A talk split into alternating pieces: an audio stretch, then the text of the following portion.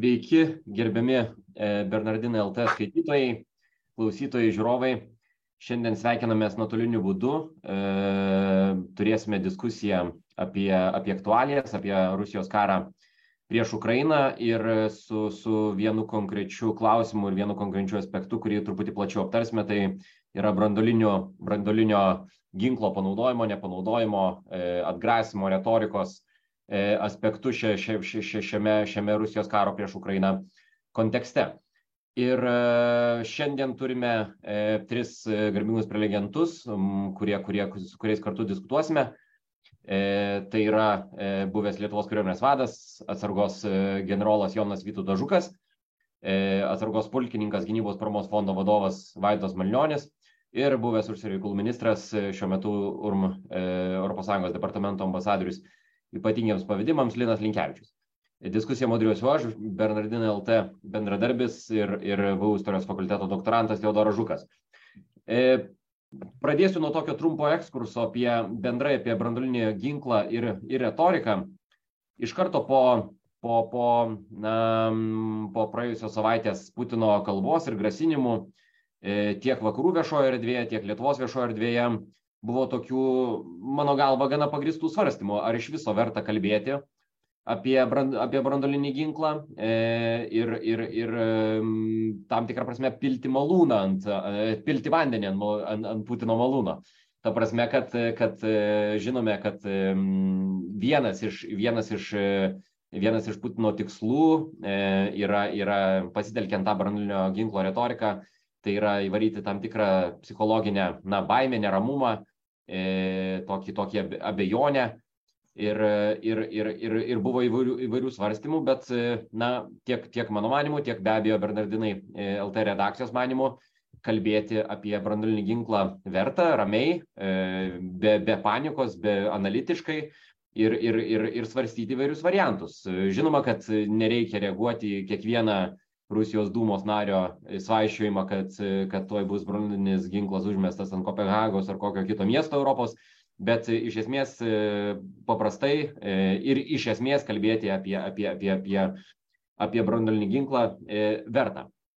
Taigi, na, be jokių didelių tolimesnių ekskursų iš karto einame prie diskusijos ir, ir pradėsime nuo diplomatinio aspekto, diplomatinio ir užsienio politikos aspekto, nes ambasadorius Linas Linkevičius turės truputį anksčiau atsijungti, tai mes e, iš, iš esmės iš karto ir klausiu tuomet e, ambasadoriaus tokio paprasto klausimo, ko Putinas siekia šiais branduoliniais grasinimais, kokių politinių tikslų siekia Putinas.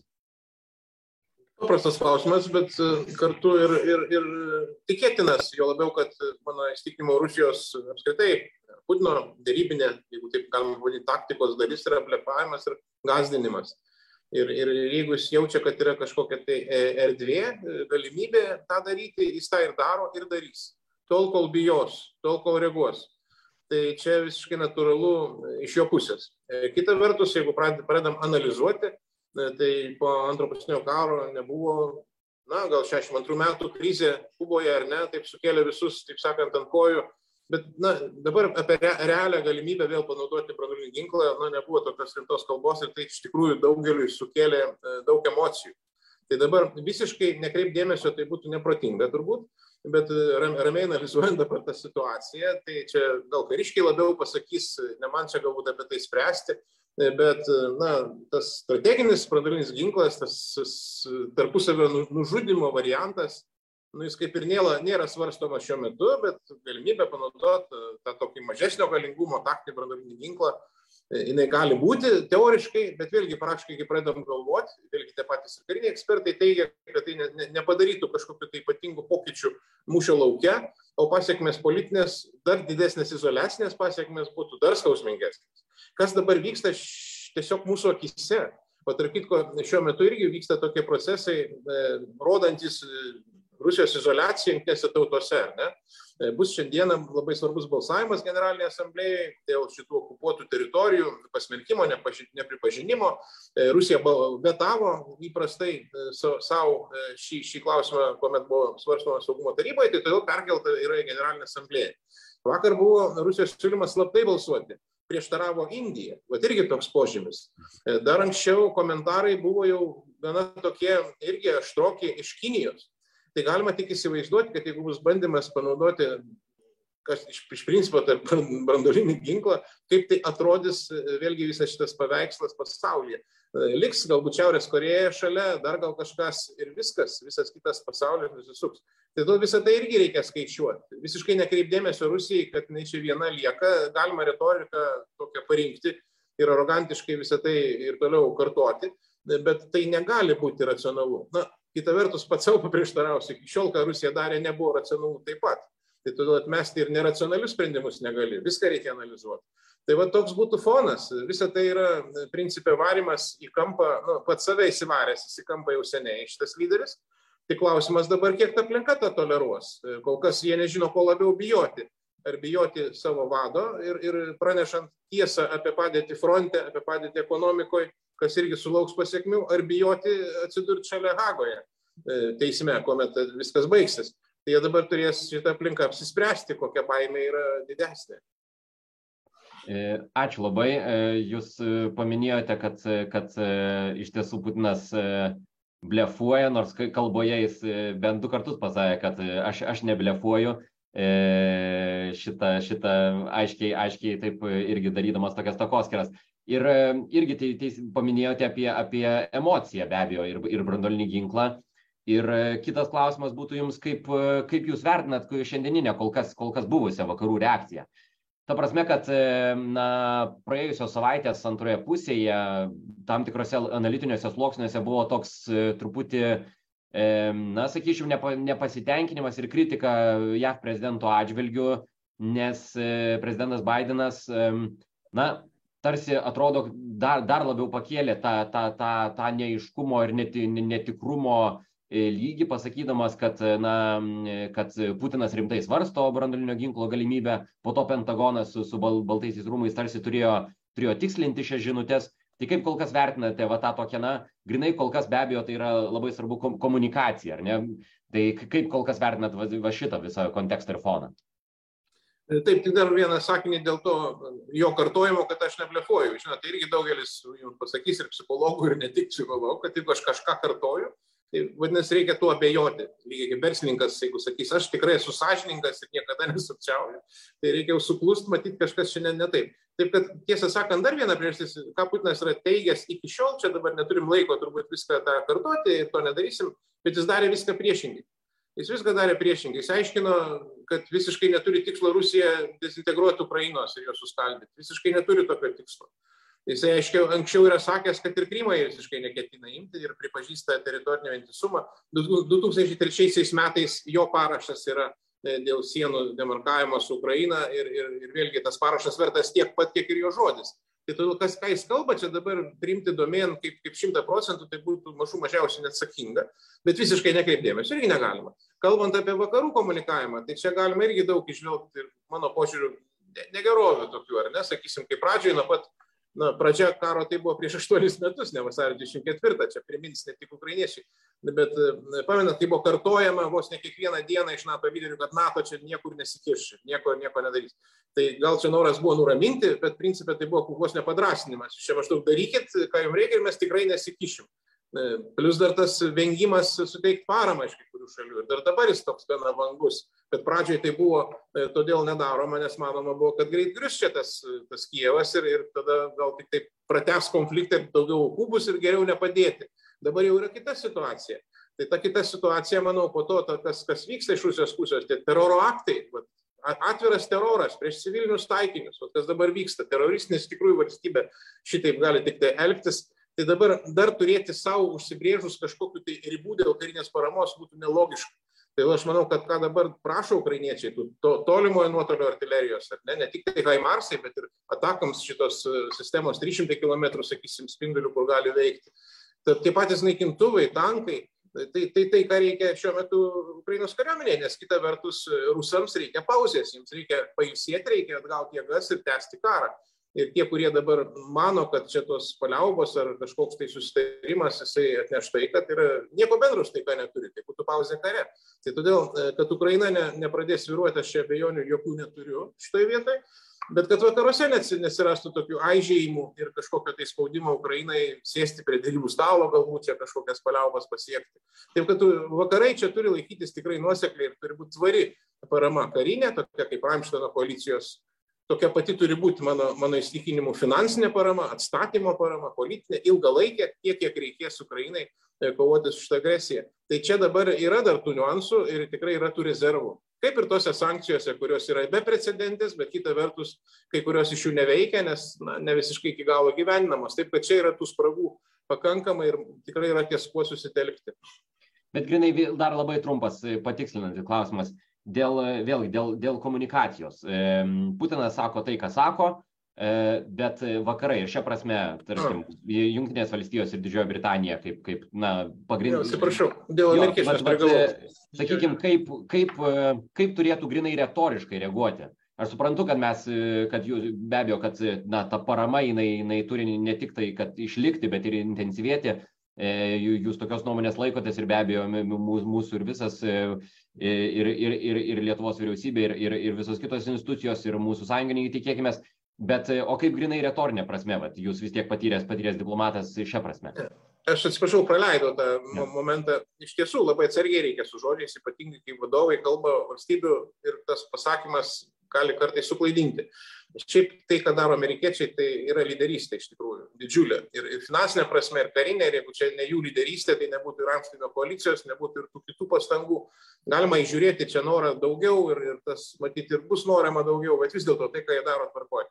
Dabar dėl, dėl komunikavimo branduolinė prasme, tai reikia suprasti, kad yra ir vieša, vieša e, kažkokia tai veikla ar ne, ir aiškinimai, bet yra ir tie tokie nematomi, mums negirdimi kanalai, kuriuose aš nebejoju, irgi siunčiami signalai Rusijai, nei kiek to nebejoju, labai aiškiai pasakant, kokios bus pasiekmes. Ir, ir, ir, ir dabar dar buvo irgi pranešta ne vieną kartą, kad padidintas budrumas, stebėjimas valgybinis tų brandolinių, sakysim, judėjimų ir nėra kol kas jokių požymių, kurie rodytų, kad Rusija ketina tą daryti. Tai va, tie patikslinimai ir buvo daromi po to tokio gal ne visiškai suprasto pareiškimo, kuris galėjo atrodyti, kad štai dabar netrukus čia gali vykti ta taka. Taip kad matyti ir ateityje bus tų tokių nuslydimų, vadinkim, bet jeigu žiūrėti bendrą tą eigą, taip kaip vyksta procesas iš tikrųjų, e, ir taip kaip jisai komunikuojamas, na, profesinė ta prasme, nu, tai viskas yra tvarkoje, bet aišku, bus ir ateityje matyti tokių nuslydimų ar galbūt netikslumų, čia, čia yra gyvenimas ir yra gyvi žmonės, jie kalba, ne, ne robotai ir, ir visada visko pasitaiko. Bet abejoti Junktinių valstybių lyderystę šitoje vietoje nemanau, kad reikėtų, nes tikrai jinai yra galai aiškiai matoma ir tikrai lemiama šiuo metu, atvirai kalbėkime. Jo, iš tikrųjų, dėl, dėl, dėl tos konfidencialios komunikacijos e, ir, ir, ir buvo žinia Salivano lyg ir, kad kad JAV konfidencialiai perdavė e, Rusijos vadovybei žinia, kokie, kokių priemonių imtųsi Junktinės valstijos, jeigu Rusija e, drįstų panaudoti taktinį, taktinį, taktinį branduolinį ginklą. Ir dabar pereinam na, e, truputį prie, prie, prie, prie karinio ligmens ir kreipiuosi į generolą. Irgi labai toks trumpas ir konkretus klausimas ar mes galime kalbėti, karinė prasme jau, galime kalbėti apie, apie taktinio branduolio ginklo panaudojimo galimybę ir ar, ar, ar gali Putinas prieiti prie tokio sprendimo siekdamas grinai karinių tikslų fronte, grinai karinių.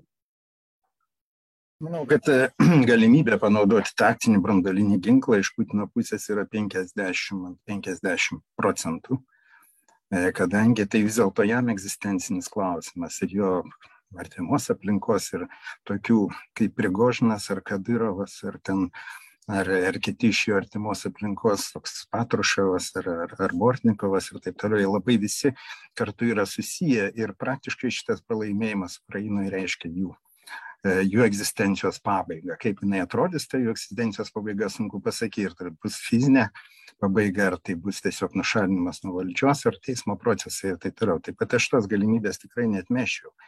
Bet pažiūrėkit, kaip ta situacija vystėsi nuo, nuo vasario 24 dienos. Ir kokia buvo vakarų pozicija. Juk tos raketo atakos, pilnai visi buvo šokiruoti, tai kad įvyko tas polimas.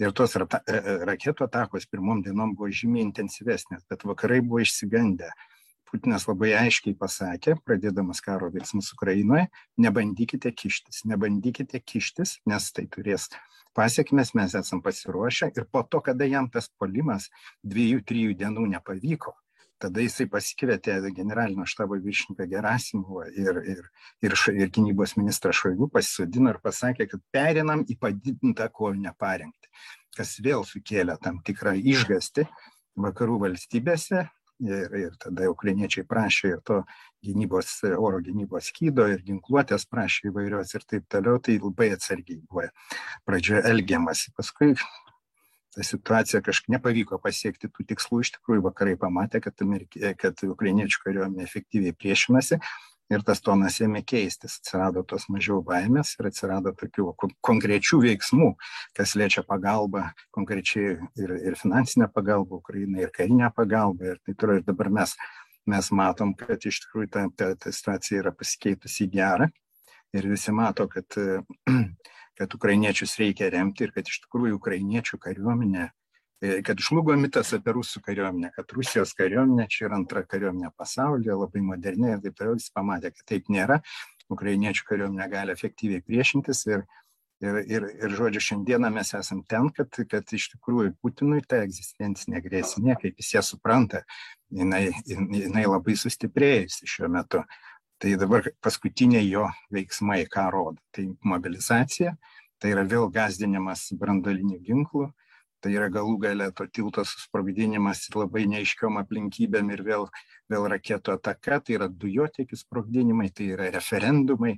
Referendumai buvo nukelti, kaip jau visi matėme pavasarį, staiga po, po Samarkandos stikimo vėl atsirado staiga ir mobilizacija, referendumai ir vėl gazdimai brandalinių ginklų. Tai aš net mešiau tos e, galimybės, kad desperacija kažkokiai psichopatiniai būsenoj jisai gali priimti tokį sprendimą.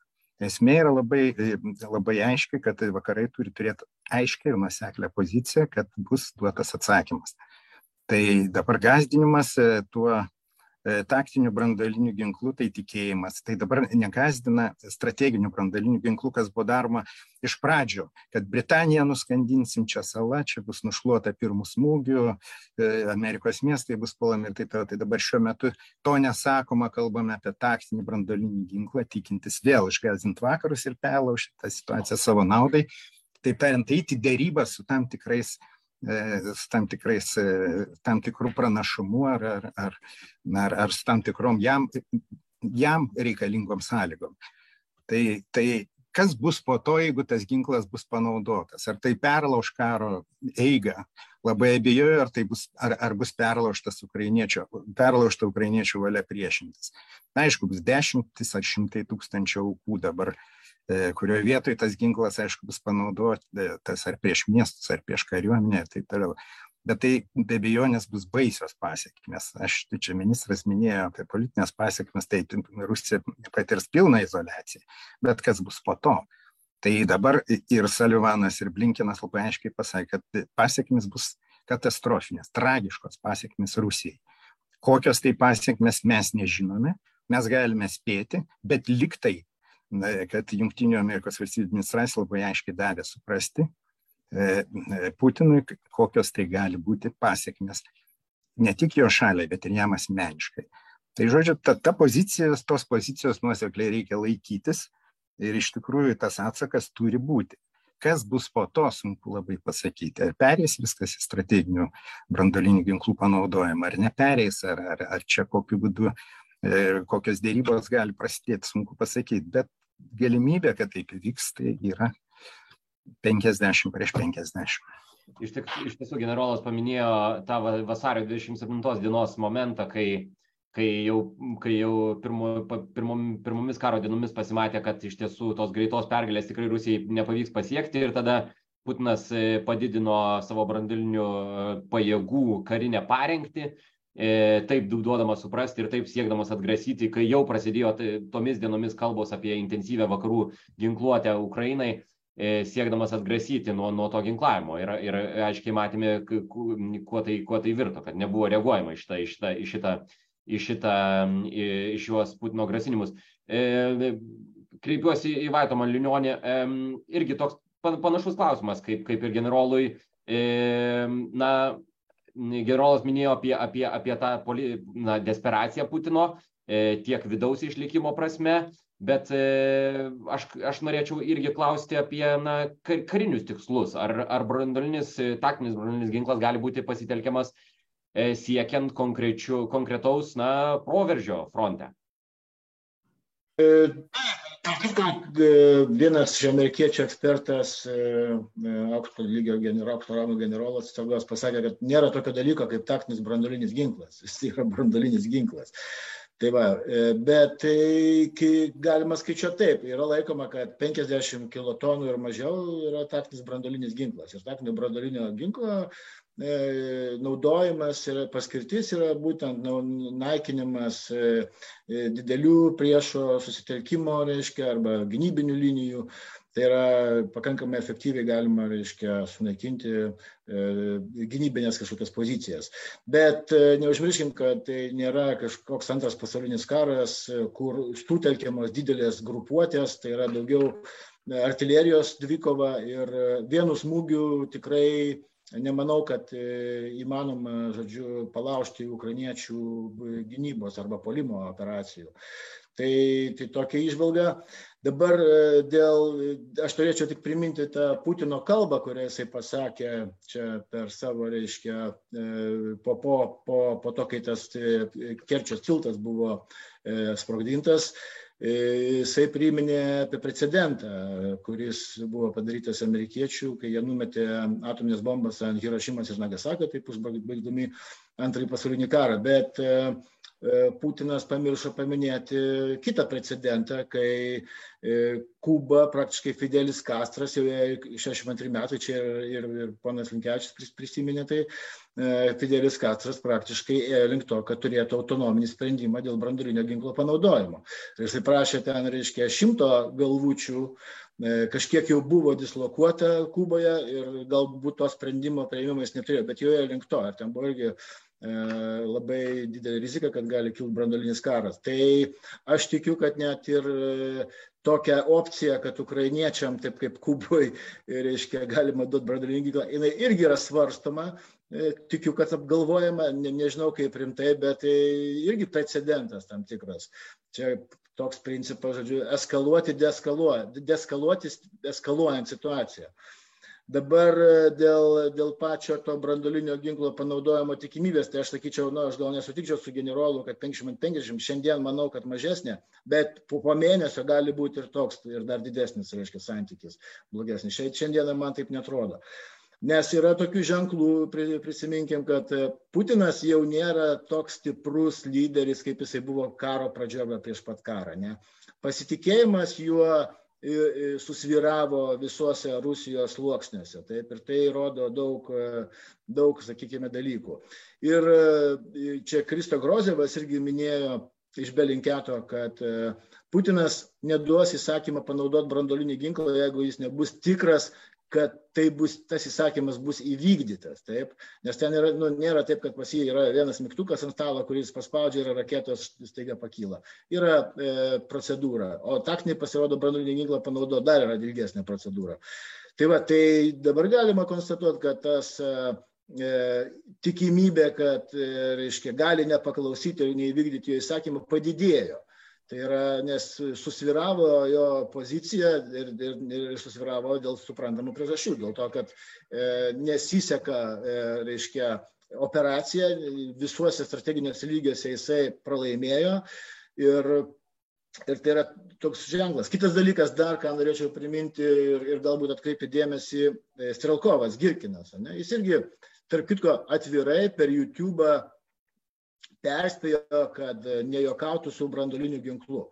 Ir jisai tą patį, tarp kitko, pasakė, kad jeigu mes panaudosime brandolinį ginklą prieš Ukrainą, tai patikėkite manimi, e, amerikiečiai tuoj pat po mėnesio duos brandolinį ginklą ukrainiečiam ir mes tikrai gausime smūgį atgal. Jo čia žodžiai yra YouTube. Tai va, tai toks mano trumpas komentaras. Atsiprašau. Ačiū labai. E, čia ir, ir su, su Linu Linkevičium jau kalbėjom apie, apie vakarų atsaką, e, kol kas be abejo politinį ir tą retorinį, bet, e, na, nori, nenori, kažkaip norisi samprotauti apie, apie, apie ir galima galbūt karinį atsaką, jeigu būtų priimtas, jeigu Rusija panaudotų branduolinį ginklą.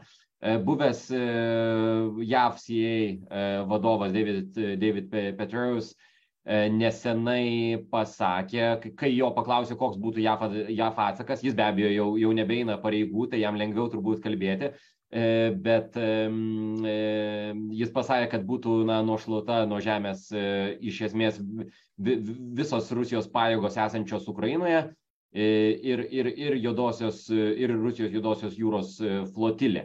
Galbūt ir trečią aspektą paminėjo, kurio, kurio, kurio, kurio nepasižymėjau. E, tai na, kokie, kokie galėtų visgi būti, v, v, v, koks galėtų būti vakarų karinis atsakas, jeigu jeigu, jeigu būtų panaudotas bronilis ginklas. Tai gal gen, nuo generolo pradėkim. Tai svarbiausia, kad būtų laikomasi e, tam tikrų, kas yra pasakyta, tas turi būti padaryta. Tai pats blogiausias scenarius arba variantas yra tai, kad iš tikrųjų e, Putinas kelia visą laiką savo tuos statymus šitame žaidime. Nei kiek, nei žingsnio atgal, bet koks kompromisas yra jo silpnumo, kaip jisai galvoja požymis ir galvoja, kad privers vis tiek ir amerikiečius, ir, ir NATO atsitraukti ir pasiekti savo tikslų. Tai reikia būti nuosekliems. Koks tas atsakymas mes dabar galim spėlioti. Bet liktai Putinui yra perduota tai, kad, kad, kad koks atsakymas gali būti, ar tai bus juodos laiv, jūros laivynos naikinimas, ar e, rusų kariuomenės naikinimas, ar tiesiog e, asmeninė fizinė grėsmė pačiam Putinui ir jo aplinkai tai tie visi tie visi variantai kiek aš suprantu arba kiek mums buvo duota žinoti yra perduoti e, Rusijos prezidento administracijai. Jie dabar tą situaciją vertina. Tai, tai žodžiu, jeigu bus ir įvyks tas brandolinio ginklo panaudojimas, taktinio brandolinio ginklo Ukrainos teritorijoje, tai e, scenarijai gali būti įvairūs. Tai ir, ir, ir, ir Hodžesas, ir Petreusas kalba apie tai, kad atsakymas į taktinį brandolinį ginklą bus visiška Rusijos izolacija ir plus atsakymas konvenciniam priemonėm, kas reikš katastrofą, tiesiog fizinę katastrofą Rusijos kariuomeniai laivynui. Ir kitas atvejis asmeninė grėsmė pačiam Rusijos prezidentui.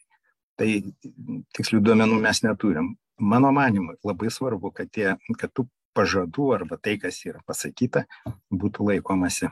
Nes priešingų atveju tada, jeigu čia yra dabar pasakoma tai ir, ir, ir vakarai ar jungtinės valstijos atsitrauks po to arba bandys ieškoti kompromiso, kad tai irgi yra blefas arba statymas, atsakymas blefu į, į, į labai konkrečias priemonės, tai tada, tada, tada bus visiškai blogai. Tada, ta, tai reikš praktiškai tiek Ukrainos, tiek, tiek, tiek NATO ir, ir Junktinių valstijų e, pralaimėjimą visiškai ir atsitraukimą. Atsitraukti negalima, jokių būdų. Matai, jūsų, jūsų matymas koks būtų? Dėl, dėl vakarų karinio atsako galimo ar negalimo, ar potencialaus, ar nepotencialaus? Čia manęs klausėte, atsiprašau. Taip, taip, taip, taip, taip, be abejo. E, tai taip, aš pritarčiau generolui ir, ir, ir teisingai, kad jūs priminėt, kad tai, e, pirmas dabar to, sakysim, Junktinių Amerikos valstijų transliuojama ta žinutė, kad e, bus atsakyta į taktinį branduolinį ginklą konvenciniam priemonėm kurių pakanka, kad sunaikinti visą Juodosios jūros laivyną ir visas karinės grupuotės, reiškia, šitoj teritorijoje Donbaso, kurios, yra, kurios kariauja dabar rusų. Bet aš čia norėčiau dar truputėlį kitą riziką, truputėlį, į, į, kuri, kuri gali būti, reiškia, atsirasti su laiku. Nes neužmirškim dar Baltarusijos. Ne? Jiegi, kaip sakant, E, įvyko ten tas vadinamas referendumas, e, kur jie e, pritarė, kad rusų pajėgos ir taip pat ir brandolinė ginkluotė gali būti dislokuojama Baltarusijos teritorijoje. Ir čia, čia yra didelė rizika, jeigu taip atsitiktų, ne, ir, ir jeigu Balta, iš Baltarusijos, sakykime, tokį teritorijos paleidžiama kažkokia brandolinė raketa, tai Putinas gali turėti tokią iliuziją, kad tai yra saugiau. Tai yra liktai ne iš Rusijos, liktai ne mes šovėm. E, tai yra jisai tokį dviprasmį, reiškia, žaidžia žaidimą ir vakarams, sakykime, pri, suprasti, kaip čia reaguoti, gali būti irgi sudėtinga. Dėl to tas vakarų kietumas, aš labai pritariu, kad reikia tą, ką prižada ir, ir, ir, ir ką pažada vakarai, turi būti būtinai ištiesėta, bet taip pat aš manyčiau, kad turi būti irgi transliuojamas žinutės, kad tokio dviprasmiškumo, dviprasmiškos situacijos neįvyktų, e, kas būtų, jeigu Baltarusijos teritorijoje būtų dislokuojama branduolinė ginkluotė. Tai turi būti irgi labai aiškiai pasakyta. E, ir aš manau, kad e, šito leisti tikrai ne, negalima būtų. Gal tai, tai čia, iš esmės, tai būtų eskalacija dar didesnė. Ačiū. Labai, labai įdomus Baltarusijos. Baltarusijos iš tikrųjų šitas aspektas neteko kol kas, kol kas, e, kol kas matyti tokių, šit, šitos, to, tokių išvalgų. Ir e, nežinau, gal, gal galim po truputį pereiti prie, prie bendrai, truputį na, pasikalbėti apie, apie paskutinės aktualijas e, fronte ir na, na, mobilizaciją. Tas momentas. Um, um, ir, ir be abejo apie, apie, apie perspe, karo perspektyvą, karo perspektyvą artė, artėjant žiemai. E, iš esmės, e, kai, jūsų, koks jūsų matymas būtų ir kartu ir, ir Lino Linkevičiaus klausiu, e, gal net ir pradžioj Lino Linkevičiaus, nes jau e, ne, ne tiek jau daug, daug laiko jums liko, žinau, turite atsijungti. E, na, ar, ar, ar iš esmės mobilizacija gali pakeisti na, tiek padėti fronte, bet kartu vat, na, iš, tos, iš tos e, Rusijos vidaus politikos pusės, na, kokias mes matome galbūt e, tendencijas Rusijos viduje, ar iš esmės kažkas keičiasi, na, visokių buvo indikacijų apie šį savaitgalį labai įdomius tam tikrus, ne tai kas susidorojimus tarp vidaus struktūrų, bet, na, kažkokias akivaizdžiai kačių peštynės, apie kurias mes mes nežinome, nes kaip Čerčilis sakė, ar ne, kad Rusijos politika yra e, na, šunų peštynės po, po kilimu ir, ir, ir labai daug mes nežinom dalykų. Bet pirmiausia, gal vat, būtent Lino Linkevičius apie tą e, mobilizaciją ir, ir, ir vidaus politiką. Ar mes matome kažkokių poslinkių Rusijos viduje, kurie, ga, kurie galėtų e, indikuoti apie kažko, kažkokius artimiausių metų pokyčius, e, na, kurie pokyčius, kurie be abejo atsispindės Rusijos veiksmuose prieš Ukrainą. Kiekvienas padarytas žingsnis, jisai dar labiau mažina Putino autoritetą, dar labiau pakerta tikėjimą tuo, ką jis čia kalbėjo ir, ir tiesą sakant, tą patį mobilizaciją, aš daryčiau prielaidą, jis nenorėjo jos skelbti, nes tai irgi rodytų, kad operacija ta specialioji tikrai vyksta ne pagal planą. Ir, ir pagaliau čia net ir kai kurie propagandistai per televizijos kanalus sakė, tai kur ta mūsų milijoninė armija, jeigu čia reikia 300 tūkstančių dabar staiga. Na nu ir plus, žinot, koks tas lengstis kantrybės pas rusus yra, jis matyti be, be abejo labai didelis yra, bet vis tiek tas kvailinimas jisai nu, turi turėti ribas, nes dabar kai teigia, kad dalinė mobilizacija, bet šitie komisarai vietiniai irgi turi vykdyti užduotis ir rodiklius ir ima visus, ką gali iš gatvės, iš lėktuvo, lygotus, kaip čia tūkstančiais gražinami ten su širdies įdom ir vos neinvalidumu, e, arba kai, sakysim, iš tarptautinių reisų e, lakūnų, lakūnai iš, iš lėktuvų paimami tiesiai, nutraukiami tarptautiniai skrydžiai, tai čia vadinti dalinę mobilizaciją labai sudėtinga. Na ir turbūt nereikia būti dideliam kariniam ekspertui, jeigu kai kurie iš jų praškai be jokio pasiruošimo siunčiami vos ne į frontą, tie, kurie nepasiekė fronto irgi tokiuose sąlygose, apgailėtinose, tai kad jie suteiks daugiau jėgos kariuomeniai, labai didelės abejonės. Gali daugiau aukų tik tai būti, nebent jiems funkcijas kažkokias paskirs, kitokias, galbūt ne kovinės, bet čia jau, čia jau detalės. Taip kad e, čia daugiau vėlgi kariškiai galėtų komentuoti efektyvumą tokios mobilizacijos, bet tai atrodo, kad lab, dar labiau pakerta, pakerta tą autoritetą. Tik aš dar norėčiau vieną kitą žodį apie tą karinę, kaip sako, tą situaciją. Dabar tas e, Kerčės tilto sprogdinimas, jis irgi toks smūgis žemiau juostas visais atvejais. Ir dar labiau pakerta tą, vadinkim, kai jo pasidžiavimas buvo, Putinas pats jį atidarė, ten, ir taip toliau, ilgiausias Europoje, ir tvirčiausias ir saugiausias, ir staiga atsitinka tai, kas atsitiko. Tai dabar visi variantai yra blogi. E, tai, kad jisai apkaltino Ukrainos specialias tarnybas, ar ne, mes to, tarkim, nežinom, galim daryti prielaidas, kaip ten yra iš tikrųjų, bet matyt, tų įrodymų nėra, tai irgi rodo, kad pažeidžiamumas yra tikrai bauginantis, ar ne? Dabar, kai kiti teigia, kaip sako, čia kačių muštinės ar šunų, tai čia kai kas vadina sostų karais, e, irgi yra struktūros konkuruoja. Yra, yra versija, kad yra geriau, sakysim, suorganizuotas e, kaip sakyti, aktas, kad pakenkta federaliniai saugumo tarnybai, kadangi irgi, irgi, irgi yra kova tam tikra. Kitaip, kitaip tariant, irgi eižėje matyta visa e, grandinė arba kaip ten ją be, be kas irgi yra labai blogai pačiam Putinui. Tai vad visą tai sumą sumarom ir dar pridurčiau įtampa tarp Kremliaus ir generaliteto karinės vadovybės tik tai auks. E, manyčiau, dėl to, kad, kad praktiškai daugelis tų sprendimų priimami per karo vadų galvas, tiesiai duodant nurodymus, nesižvelgiant į realią situaciją ir ieškant kaltų būtent tarp jų. E, tai jiems tas irgi turėtų nelabai matyti patikti, nes, nes ilgainiui tai gali tapti problema ir tai įtampa tik tai auks praktiškai. Tai vat visa, visa tai, e, ne, ne dėl to sakau, kad čia dabar turėtumėm dėl to labai nusiraminti ir, ir žiūrėti, kad čia, čia to įsugrius. Tiesiog tai reikia objektyviai vertinti pasikartosiu, svarbiausia dabar mums ne, nepaslysti vakaruose apskritai, nesustoti, nesuabejoti, ne, ne, nepakipti ant to jauko to eilinio, kuris čia dabar bus eksploatuojamas. Vis, jie dabar visur ragina dabar, kad jie, jie pasiruošę dėrybom.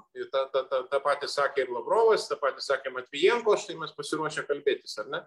Ir siunčia per visokius kanalus, kaip ir Maskva, pasikalbėjo Maskva su Putinu irgi rado būdą, kaip pasiekti taiką. Ir, ir, ir visa tai yra Ukrainos sąskaita, jų teritorijų. Tai visas tai kartosis ir, ir, ir, ir artėjant žiemai ir tai įtampai dėl, dėl energetikos kainų galbūt atsiras kažkam e, toksai e, gundimas, reiškia, iš tikrųjų gal čia padarykim pauzę, nes labai sunku čia visiems Tai va šitas išbandymas man dabar labiausiai neramina iš tikrųjų, nes jisai, jisai iš tikrųjų gana, gana, gana, gana svarbus. Tai va tokia bendra tokia situacija, kurią irgi norėtųsi irgi pakomentuoti, ne tik mobilizacija. Mobilizacija tai tik tai vienas iš fragmentų to byrančio plano, kuris niekada neveikia ir, ir nuo pat pradžių yra įdingas ir, ir pasmerktas žlugti. Tiesiog dar viena, dar viena tokia iliustracija. Ačiū, ačiū labai e, ambasadoriui. Tai nežinau, gal jūs, jūs dabar šiame etape ir paleidžiam ir tada mes jau... Ačiū labai. Jo, mes jau... Jūsų supratimą, labai dėkui. Taip, be problemų, mes pratęsime apie, apie grinai karinių, karinius dalykus. Ačiū labai. Mhm. Taip, tai tuomet e, vėlgi prie tos pačios mobilizacijos. E, na, kiek, kiek tenka sekti, kiek tenka sekti vakarų analitinius sluoksnius, tokia bendra bendra tezė e, dėl mobilizacijos ir, jo, ir motivacijos, kodėl mobilizacija paskelbta, tai yra, na, kad tai yra toks Putino lošimas e, ant laiko. E, tai yra, kad, na, stengiamasi prailginti, prailginti karą ir, ir tikimasi, kad, na, politiškai bus palūšta, palūšta vakaruose tiek dėl tų priežasčių, kurio, kurios, kurias, minėjo, kurias minėjo Linas Linkevičius. E, Kaip jūs matytumėte tai? Ar mobilizacija, e, dalinė ar visuotinė, čia, kaip, kaip čia ją pavadinsi, bet iš esmės, na, pats faktas didelių na, kiekių žmonių e, atvežimas į, į frontą, ar jis, ar jis gali iš, iš tiesų na, prailginti, e, na, reikšmingai prailginti, prailginti Rusijos karo veiksmus, tiek, tiek turbūt, na, turbūt tiek puolamuosius, tiek, tiek ir, tiek ir tiek, ir, tiek ir gynybinius veiksmus prieš, prieš sėkmingą, pas, pas, pastaraisiam pastarosiam savaitėm ypač sėkmingą vakarų, e, Ukrainos, Ukrainos ataką, ypač pietričių, pietričių Ukrainoje. Tai e, generolė, kaip jūs matyt, matytumėt? Aš aplamai tą mobilizaciją matau kaip e, visiškai neparuoštą veiksmą ir laikau, laikau tai spontaniniu, emociniu veiksmu rugsėjo pradžioje, dar po, po to Harkovo e, mūšio pralaimėjimo, kada kilo čia emocijų banga ir visi ten komentatoriai ir kai kurie politikai tame tarpe iš Dūmos ir Zukanovas ir visi kiti, ir tame tarpe tas pats Girkinas, visi pradėjo rėkti apie mobilizaciją, kas buvo griežtai nukirsta ir pasakyta, kad jokios mobilizacijos nebus. Ir tą pasakė Putino administracija, tą paneigė ir pats Zukanovas kitą dieną, jo atstovas taip pat paneigė ir pasakė, kad, e, reiškia, e, Ziuganovas neturėjo to omeny, jis turėjo omeny mobilizaciją, tai yra pramonės mobilizacija ir taip toliau, jokių būdų ne, ne, ne, nešaukimą į, į, į karinę tarnybą. Ir iš tikrųjų tai, tai nepopuliarus veiksmas, kiek pabėgėlių ir, ir, ir kaip tą priėmė visuomenė, ta, kurie kaip ir, ir iš vidutinės klasės rėmė Putiną ir, ir kaip jinai sureagavo į, į, į, šitą, į šitą e, veiksmą. Tai, tai aš manau, kad tai neparuoštas emocinis spontaniškas e, sprendimas arba visų sprendimų visuma kuri prasidėjo po to, kada įvyko kažkoks tai tiesiog, nu, daug kas iš politinių komentatorių tai sieja su susitikimu būtent Samarkandė, kur Putinas patyrė tam tikrą pažeminimą, kuriem buvo iškeltos sąlygos iki, iki G20 susitikimo užbaigti karo veiksmus ir, ir, ir, ir, ir Kinija tam aiškiai išsakė, ir Indijos. E, premjeras ir šiaip jam ten nebuvo parodyta pagarba ir grįžęs iš Samarkando jis pirmadienį priėmė tokius sprendimus, kuriems visiškai nebuvo pasiruošta. Nebuvo nei sąrašų, nebuvo nei, nei kareivinių, nei valgyklų, nei uniformų, nieko. Ir pradėjo tiesiog, aš galvau, kad galbūt bus kažkoks tai dar pasirinkimo periodas, bent jau mėnesį arba dvi savaitės, kad būtų galima sutikrinti sąrašus, pasiruošti prieimimui tų uh, tų mobilizuotųjų asmenų ir taip toliau. Tai žodžiu, nieko nebuvo padaryta spontaniškai. Buvo numestas nurodymas vyriausybėje, gubernatoriams, kariniams komisarams paimti tokį ir tokį kiekį žmonių. Ir pasakyta, kad tai yra dalinė mobilizacija, iš tikrųjų pradėjo griebti visus tai pavojingas kariniu požiūriu visiškai nepateisintas veiksmas. Jisai negali pasiteisinti todėl kad tam buvo nepasiruošta todėl kad imami ne pagal karines specialybes kas buvo žadama iš anksto o visi iš eilės. Ir taip toliau. Tai žodžiu E, kuo visą tai baig, aš netikiu, kad jinai gali būti labai sėkminga, jie dabar kalba apie, ten, e, apie 200 tūkstančių, pusantro šimto tūkstančių, kiek jie dabar paėmė, aš netikiu tais skaičiais, aš asmeniškai tikiu, kad gali būti keliasdešimt tūkstančių tokiu būdu paimtų žmonių ir, šiuo metu jau aiškiai matosi, kad jie yra panaudojami vienoje ar kitoje fronto vietoje bet kad tas panaudojimas turėtų kažkokį tai labai teigiamą poslinkį jiems Ukrainos fronte, tuo labai abejoju. Mhm. Ir dar dėl vienas dalykas, tai dėl tų sostų karų arba buldogų muštinių po kilimu, tai Rusijos kariuomenė buvo labai žaista. Po to, kai buvo prarastas Limanas, Limano miestas, Kadirovas apkaltino labai konkrečiai generolą Lapiną, kuris e, vadovavo tai Limano gynybos operacijai ir taip pat generalinio štabo viršką nekompetenciją, bailumu ir taip toliau. Ir kaip ir visi nutilo kas čia dabar bus ir ir čia lyg tai kaip ir prezidentas turi apginti savo kariuomenę savo aukščiausių pareigūnų savo kariuomenės aukščiausių pareigūnų garbę ar ir tai priešingai jisai suteikė generolo pulkininko laipsnį tam asmeniui kuris e, tiesiog reiškia metė tokius įžeidimus Rusijos kariuomenės vadovybei. Tai kariuomenė aišku, kad sureagavo. Tai yra dideli žaidimai. Jie, jie nėra taip paprastai, taip nepraeina niekas, kad tu įžeidiniai spjauni į veidą ir čia visi. Ir, ir tai to. Tai aš galvoju, kad ta situacija ir tas konfliktas dabar viduje yra labai rimtas. Ir tuo labiau, kad yra prasidėję ir kai kurių generolų areštai, nušalimai nuo pareigų ir taip toliau. Tas gali turėti tam tikras pasiekmes ir visai netolimai ateityje. Mhm. E, greitų metų pereisim prie, prie, prie klausytojų klausimų, nes e, turime jau keletą, e, bet irgi, Vaitai, Vaitai jūsų, jūsų taip pat, ar mobilizacija, kad ir kokia jinai yra, kad ir kokia jinai, na, hotiška, kiek mes, kiek, kiek mes matome, bet ar jinai gali turėti, na, reikšmingos įtakos e, fronte?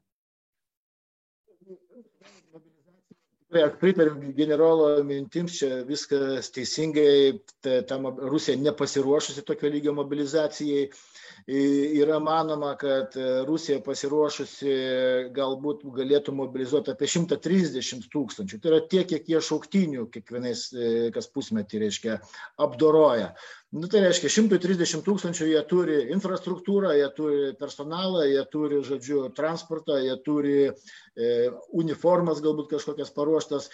Visa kita, kas yra virš 30 tūkstančių, jie neturi. Už tai mes ir matome tuos mobilizuojamus, žodžiu, apgyvendinamus e, sporto salėse, net laukia, be, be jokių, žodžiu, priemonių, be maitinimo, e, neaprūpina auto, automatiniai šautuvai supuvę, surūdyję, greičiausiai net nusišauti su jais negalima. Tai, tai, va, tai to, tą mes matome. Bet, bet kad kad tai, kaip sakant, sužlugs, greičiausiai taip ir bus. Tai jų mobilizacija, bet konstatuoti, kad tai sužlugs mes dar negalime. Tai tikrai negalime. Mes dar turim palaukti. Dabar ko rusai neturi, tai jie neturi laiko, kadangi ukrainiečiai, nors dabar jau tokių, sakykime, ryškių laimėjimų, kaip jie prie, prie Harkovo, reiškia, srities buvo pasiekę, nėra, bet vis tiek jie stabiliai, bet stumia rusus, reiškia, iš, iš Donbaso teritorijos visomis trimis kryptimis po, po kelis kilometrus, bet tai vyksta nuosekliai ir, ir labai gražiai metodiškai. Tai rusai neturi laiko. Dabar, aišku, jie integruoja ir, ir mūšį tuos mobilizuotus karius ir čia bando keisti taktiką. Jie buvo, reiškia, bandė E, tuos, sakysime, kad ir tos kalinius, vadinamus zekus, ne, e, siuntė juos ten kaip batalionas, bet ten juos ištaškydavo labai greitai. Bet jie dabar pakeitė taktiką. Pavyzdžiui, dabar e, prie vieno Wagnerio, reiškia, kovotojo priskiria, tai juos pavadina mūlais. Tai yra, eina iš paskos du tie visiškai neparuošti, reiškia, ar trys kareivėliai, nu, jos, jeigu taip galima pavadinti, ir neša granatosvaidį, amuniciją ir taip toliau, ir, ir viską paduoda, ko jam reikia. Tai jie adaptuoja šitą savo nemokšiškumą. Bet kitas dalykas, tolimesnėje perspektyvoje, jeigu toliau viskas taip vystysis po kelių mėnesių, nu, jie gali generuoti, gali. Ir gali įvesti ir į Baltarusijos teritoriją prastai aprūpinta, prastai parengta kariuomenė ir gali ten ir 20 ir 30 tūkstančių. Ir tai gali kilti grėsmė, kad jie gali pasiūsti į, į Kijevo, Kijevo kryptimi, reiškia, tą, tą tokią patrankų mėsą bet e, čia mes kalbame apie ateitį, o, o, o, o, o, o tas karas yra toks dalykas, kad čia kaip orų prognozija. Mes e, prognozuoti galime, žodžiu, tiksliai tik tai kokią dešimt dienų į priekį, o paskui, o paskui visko gali būti. Taip kad jeigu Baltarusijos teritorijoje dislokuojamos tos paėgos, tai mums irgi reikia susirūpinti savo saugumu ir kelti parengties lygius ir, kaip sakant, e, aktyvuoti savo NATO sąjungininkus, kad jie irgi kreiptų dėmesį šitą regioną. Mhm. E, tai tuomet perinam prie, prie klausytojų klausimų. Gal taip pasistengime trumpai, nes jų keletas yra. E, toks klausimas yra, kokia situacija su brandoliniais ginklais Kaliningrade ir ar mums dėl to reikia nerimauti. E, kas galėtų pakomentuoti? Gal jūs vaidotai, ką mes žinome apie, apie brandolinius pajėgumus Kaliningrade ir jų nebuvimą ar nebuvimą? Nu, vis tiek Kaliningradas tai yra Rusijos teritorija, taip, ir mano žiniomis ten gali būti dislokuoti brandoliniai ginklai reiškia yra ten tos raketos kurios gali nešti tuos branduolinius ginklus. Bet jeigu iš kaliningrado būtų paleista branduolinė raketė branduolinis ginklas tai savaime suprantama visi visas pasaulis suprastų tai yra iš rusijos teritorijos ir tai yra rusijos sprendimas. Bet apie tai mes jau šnekėjom anksčiau kad e, vakarai imasi priemonių ir, ir siunčia tam tikras žinutes rusijai kad jie to nedarytų tai va bet aš kalbėjau apie didesnį pavojų jeigu tokie ginklai atsirastų baltarusijos teritorijoj kai, mhm. kai įvedamas toksai dviprasmybės reiškia faktorius kurį, kuris gali pasirodyti Putinui patrauklus ir saugesnis. Mhm. Generolė, ir jūs turėtumėt ką pridėti apie Kaliningradą ir brandolinius ginklus? Kiek, e, kiek brandolinių galvučių šiuo metu yra Kaliningradė, tikrai negalėčiau pasakyti, bet e, tuo metu, kai jau pareigas e, kariuomenės vado, tikrai žinau, kad brandolinis ginklas buvo dislokuotas Kaliningrado srityje.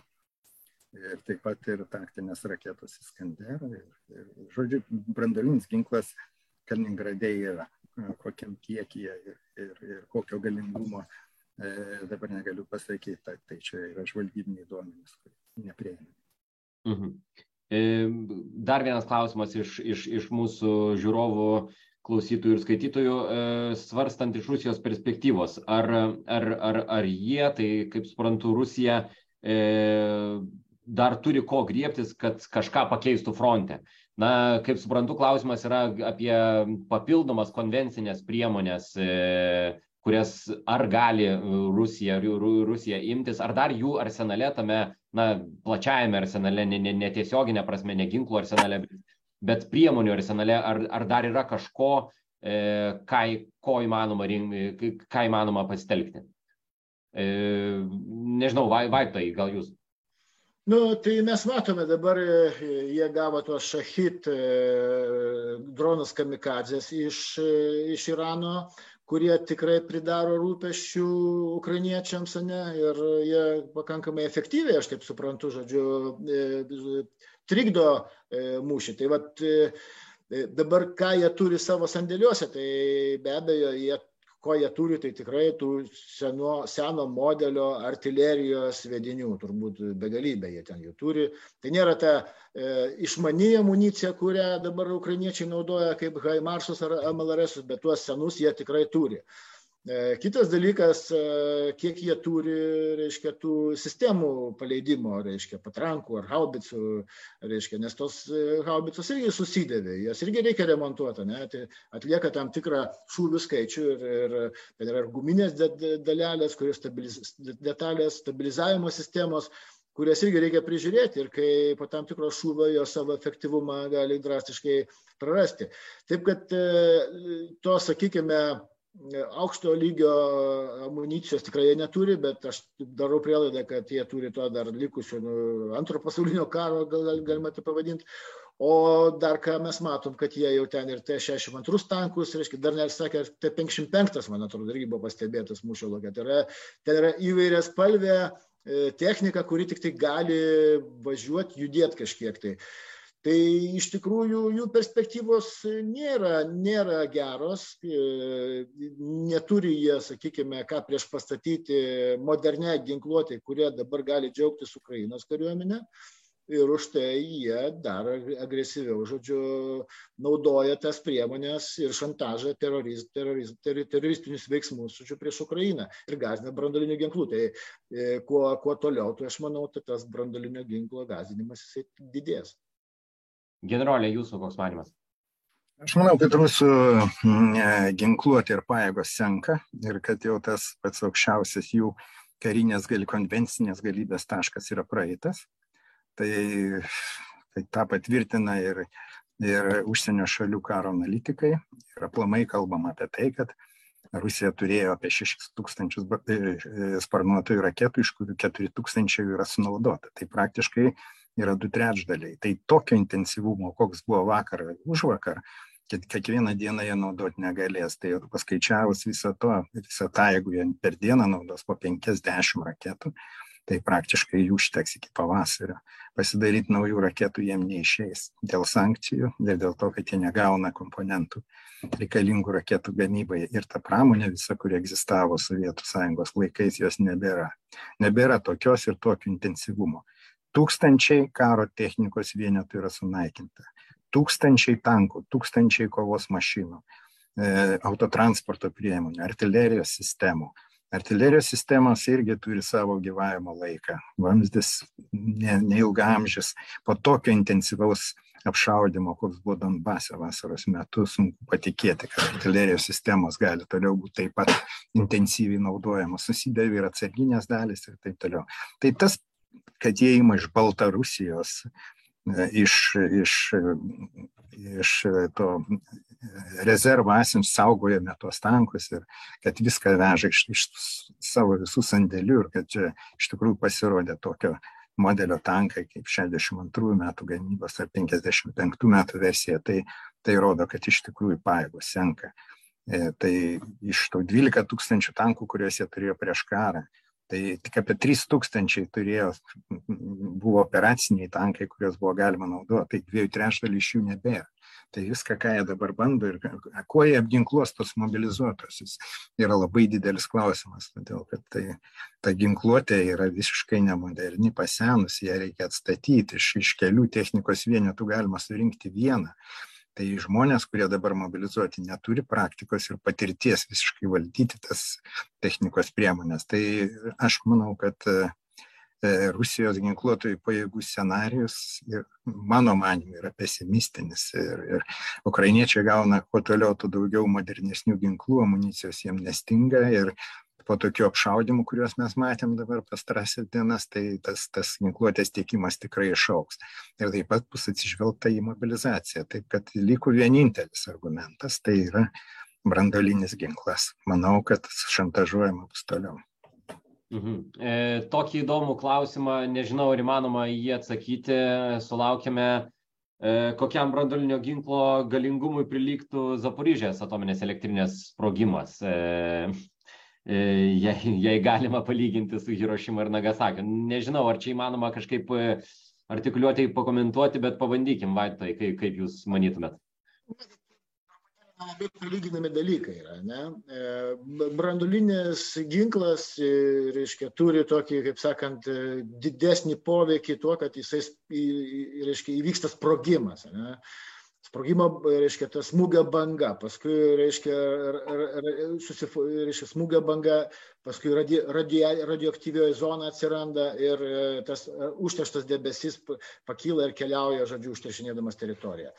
Dabargi atominės brandolinės elektrinės atveju, tai tokio sprogimo kaip brandolinė bomba nebūtų, jie galima tik tai, žodžiu, privers, kad reaktorius būtų, reiškia, įvyktų kažkokia avarija, ten sprogimas, jis tokio, tokio nebūtų kaip tenai, bet kur yra blogybė, kad tas, reiškia, iš atominės elektrinės E, e, radioaktyviosios dalelės, jos gali sklisti labai dideliais kiekiais ir labai daug dienų. Gali būti ir dvi savaitės, reiškia, čia kiek aš atsimenu šitą, kur buvo Japonija, reiškia, pažįstate, man atrodo, dvi savaitės spjaudė, reiškia, tas radioaktyvės dalelės. Ir, ir jos e, kuo, kuo reiškia ilgiau tas trunka, tuo daugiau tų radioaktyvių medžiagų papuola į atmosferą ir tada oro srautais gali nukeliauti labai toli ir taip užteršti milžiniškas teritorijas. Tai va tuo yra pavojingesnė brandolinė elektrinė ir toks yra skirtumas plius e, branduolinės elektrinės, ten tas izotopų skilimo, reiškia, periodas yra žymiai ilgesnis ir jų užterš, užterštos teritorijos tampa nesaugiomis, gali ir tūkstančių metų, žodžiu, būti nenaudojama teritorija. Dabar pasižiūrėkime, kas darosi prie Černobilio elektrinės, kur irgi, reiškia, tas raudonasis miškas, ten dar neaišku, kiek metų ne, negalima bus nieko daryti. Hmm. E, generolė, ar jūs turėtumėt apie, apie Zaporižę ir, ir, ir, ir palyginamumą ar nepalyginamumą? Panašiai kaip pulkininkas sako, tik tai pridėsiu tai, kad brandalinio sprogimo metu yra e, ta vadinama sprogimo banga. Tai yra tiesiog milžiniški sugriavimai. Priklauso nuo megatonų, kiek ten turėjo, tai gali būti 12 km atstumu, 20 km atstumu ir taip toliau. Tik tai ir aukšta temperatūra, kuri tiesiog sudegina ir nušluoja viską. Ir tada atsiranda tas radioaktyvus debesis, tai jisai atsiranda tam kartui. Ir kur jį vėjas papus, ten jį ir nuneš. Tai tuo, nu, tuo pačiu, jeigu atominė elektrinė sproksta, tai tada, aišku, sprogimo bangos nebus ir kažkokios tai aukštos temperatūros aplinkui nebus, bet tas pastovus radioaktyvus spinduliavimas, kurie gali tęstis labai ilgą laiką, jis sukelia didžiausią pavojų. Mhm. E, gerai, tai turbūt e, vienas paskut... prieš paskutinis klausimas, e, vėlgi truputį apie apsigrėžiant atgal apie, apie Ukrainą, jos ginkluotę ir jos, jos, jos gynybą. Um, dabar kalbama, kalbama, kalbama apie, apie prieš raketinę gynybą, apie, apie jos būtinumą. Ir kaip jūs tai pakomentuotumėt? Ar čia yra panacėja? Ar tai va dabar, ko jau iš tikrųjų galiausiai trūksta Ukrainai yra prieš raketinę gynybą, tai yra saugant be abejo tiek miestus, yra kalbama apie, mačiau apie na, Izraelio, Izraelio tipo Iron Dome sistemas, e, tai aišku, kaip suprantu, itin brangi ir itin sofistikuota sistema, galbūt čia per anksti apie tai kalbėti, bet, na, vat būtent, na, kokių, kokios ginkluotės dar reikia Ukrainai, kad, na, kad tas, tas persilaužimas uh, kuris akivaizdžiai vyksta Ukrainos naudai, kad jis įvyktų dar greičiau ir kad dar greičiau baigtųsi karas e, Ukrainos, e, Ukrainos pergalė. E, pulkininkė. Na, tai atsakymas čia labai paprastas būtų. Dabar, aišku, kai įvyko tas toksai masinis teroro aktas iš Rusijos pusės, kai apšaudyti buvo praktiškai visi miestai, apie šimtas raketų buvo paleista į, į, į, į Ukrainos pusę.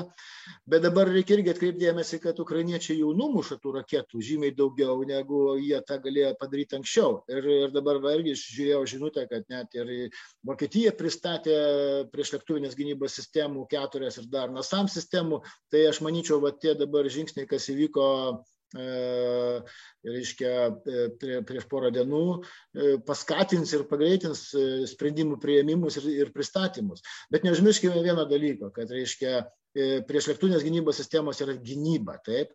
O tam, kad efektyviai gintis, reikia turėti gebėjimą ir kontratakuoti. Tai, tai aš manyčiau, kad ukrainiečiam būtų be galo svarbu turėti, kad ir tų atakams, reiškia, raketų, kuriomis galėtų jie atakuoti į, į, į tuos taškus, iš kur yra paleidžiamas raketos. Nes čia dar ir Napoleonas yra pasakęs, kad, reiškia, jeigu vien tik tai gynyboje būsi, tai čia tik tai laiko klausimas, kada tu, reiškia, būsi sutriuškintas. Nu, jeigu turėsi geresnės gynybos sistemas, ilgiau atsilaikysi, e, o prastesnės e, trumpiau. Tam, kad tu laimėtum, reiškia, karą ir mūšį, tu turi gebėjimą kontratakuoti. E, generolė, Kaip jūs matytumėt Ukrainos gynybos ginkluotės? Mhm. Nu, čia yra ilga tema. Tai prieš lėktuvinę, prieš raketinę gynybą yra aišku orientuota į, į savo Truputį prastai. Gilumoje apsaugą ir būtent civilių gyventojų apsaugą. Tai kad nebūtų puolama civilinė infrastruktūra, miestai ir taip toliau. Tai žodžiu, e, visą tai yra labai aktualu Ukrainai nuo pirmos dienos, visą tai buvo ir tas klausimas buvo visada keliamas dar prieš raketinių sistemų pristatymo.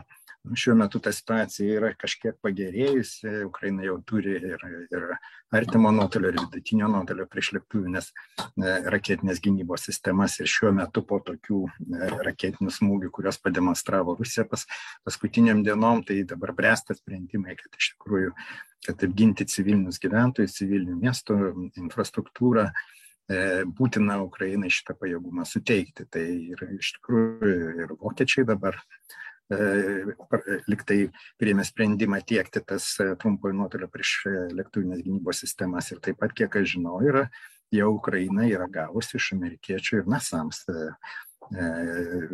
vidutinio nuotolio prieš raketinį gynybos sistemą. Aišku, tai yra tik tai pirmieji tokie galbūt padaryti žingsniai ateityje, ateityje jų bus daugiau, ir be abejonės tai aktualus klausimas nors beje nu, nuo karo pradžios ukrainiečiam e, pavyko gana efektingai išjungti rusų aviaciją numušt lėktuvų ir sraigtasparnių prieš raketinę gynybą nepaisant to kad iš tikrųjų paskutinės raketinės atakos metu iki penkiasdešimt raketų buvo numušta tebe išlieka labai e, sudėtinga Ukrainos problema. Mhm. E, ir paskutinis, paskutinis klausimas, e, toks e, bendras ir, ir dar kartą grįžtantis prie, prie mūsų na, esmė, esminės šiandieninės temos, tai na, kaip išvengti to brandol, brandolinio karo, gal brandolinio karo nesakysime čia, bet na, kad, kad, Rusija, kad Rusija galėjo na, kad Rusija galėtų priimti sprendimą, priimti, panaudoti brandolinį ginklą. Ar įmanoma be abejo to išvengti, ar čia yra visiškai, yra, mes nuo to nieko negalime padaryti, nes tai yra visiškai Putino galbūt e, e, vieno sprendimas e, ir, ir, ir, ir na, būtent va šitas, šitas klausimas. Ar įmanoma išvengti ir, ir, ir, ir, ir, ir kaip išvengti, jeigu įmanoma? Pulkininkė. Na, aš atsakysiu galbūt labai paprastai. Matot, karas tai yra menas. Taip? Tai mhm nėra, nėra, sakykime, iki galo viskas aišku ir nėra tobulų instrukcijų, kaip tą reikia daryti. Taip. Tai kaip mūsų, reiškia, sprendimų prieimėjai ir lyderiai sugebės tą meną padaryti, taip ir bus. O aišku, norėtųsi, kad e, išliktų nulaidžiavimo, kad nebūtų, kad būtų ryštingiau teikiama Ukrainai ginkluotė ir kad būtų tinkamai reaguojama e, ir komunikuojama visais lygiais per karinį, informacinį, e, diplomatinį, ekonominį, žodžiu, visos šitos priemonės, jos turi būti sinchronizuotai ir ryštingai naudojamos. Tai, tai toks man yra atsakymas, tai yra mhm. menas. Kaip sugebėsim, reiškia, šituo menu pasinaudoti, taip ir bus menas ir tinkama komunikacijos sinchronizacija. Puiku. Ir generolė, kaip. Taip, taip, taip, visų, visų, visų visų valdžios ir, ir šakų. E, generolė, kaip jums atrodo? Aš galvoju, kad jokių būdų negalima nuolaidžiauti. Tai, e, tai pirmas dalykas, jeigu priešininkas sako, kad tai yra ne blefas, tai tavo žodžiai irgi turi turėti tokią pačią svarbą. Ir jeigu jau tie statymai žaidime yra keliami, visą laiką yra keliami ir grasinama tiesiog, tais dalykais, tai reikia turėti omeny, kad tu turi būti pasiruošęs atversti kortas. Tai kada blefas baigsis ir kada baigsis iš visų pusių visi argumentai ir tos kortos bus atverčiamos, tai tu neturi pasitraukti. Tu turi būti pasiruošęs atsakyti. Tai čia yra lemiamas ir svarbiausias dalykas, kokios pasiekmes bebūtų, nes jeigu tu neatsakysi, tai tada tos pasiekmes bus irgi labai liūdnos ir, ir dar liūdnesnės, negu, negu tu, reiškia, galėtum atsakyti tą agresiją. Tai be jokios abejonės negalima išsigasti ir reikia būti pasiruošus atsakyti ir tie žodžiai neturi būti tušti. Mhm.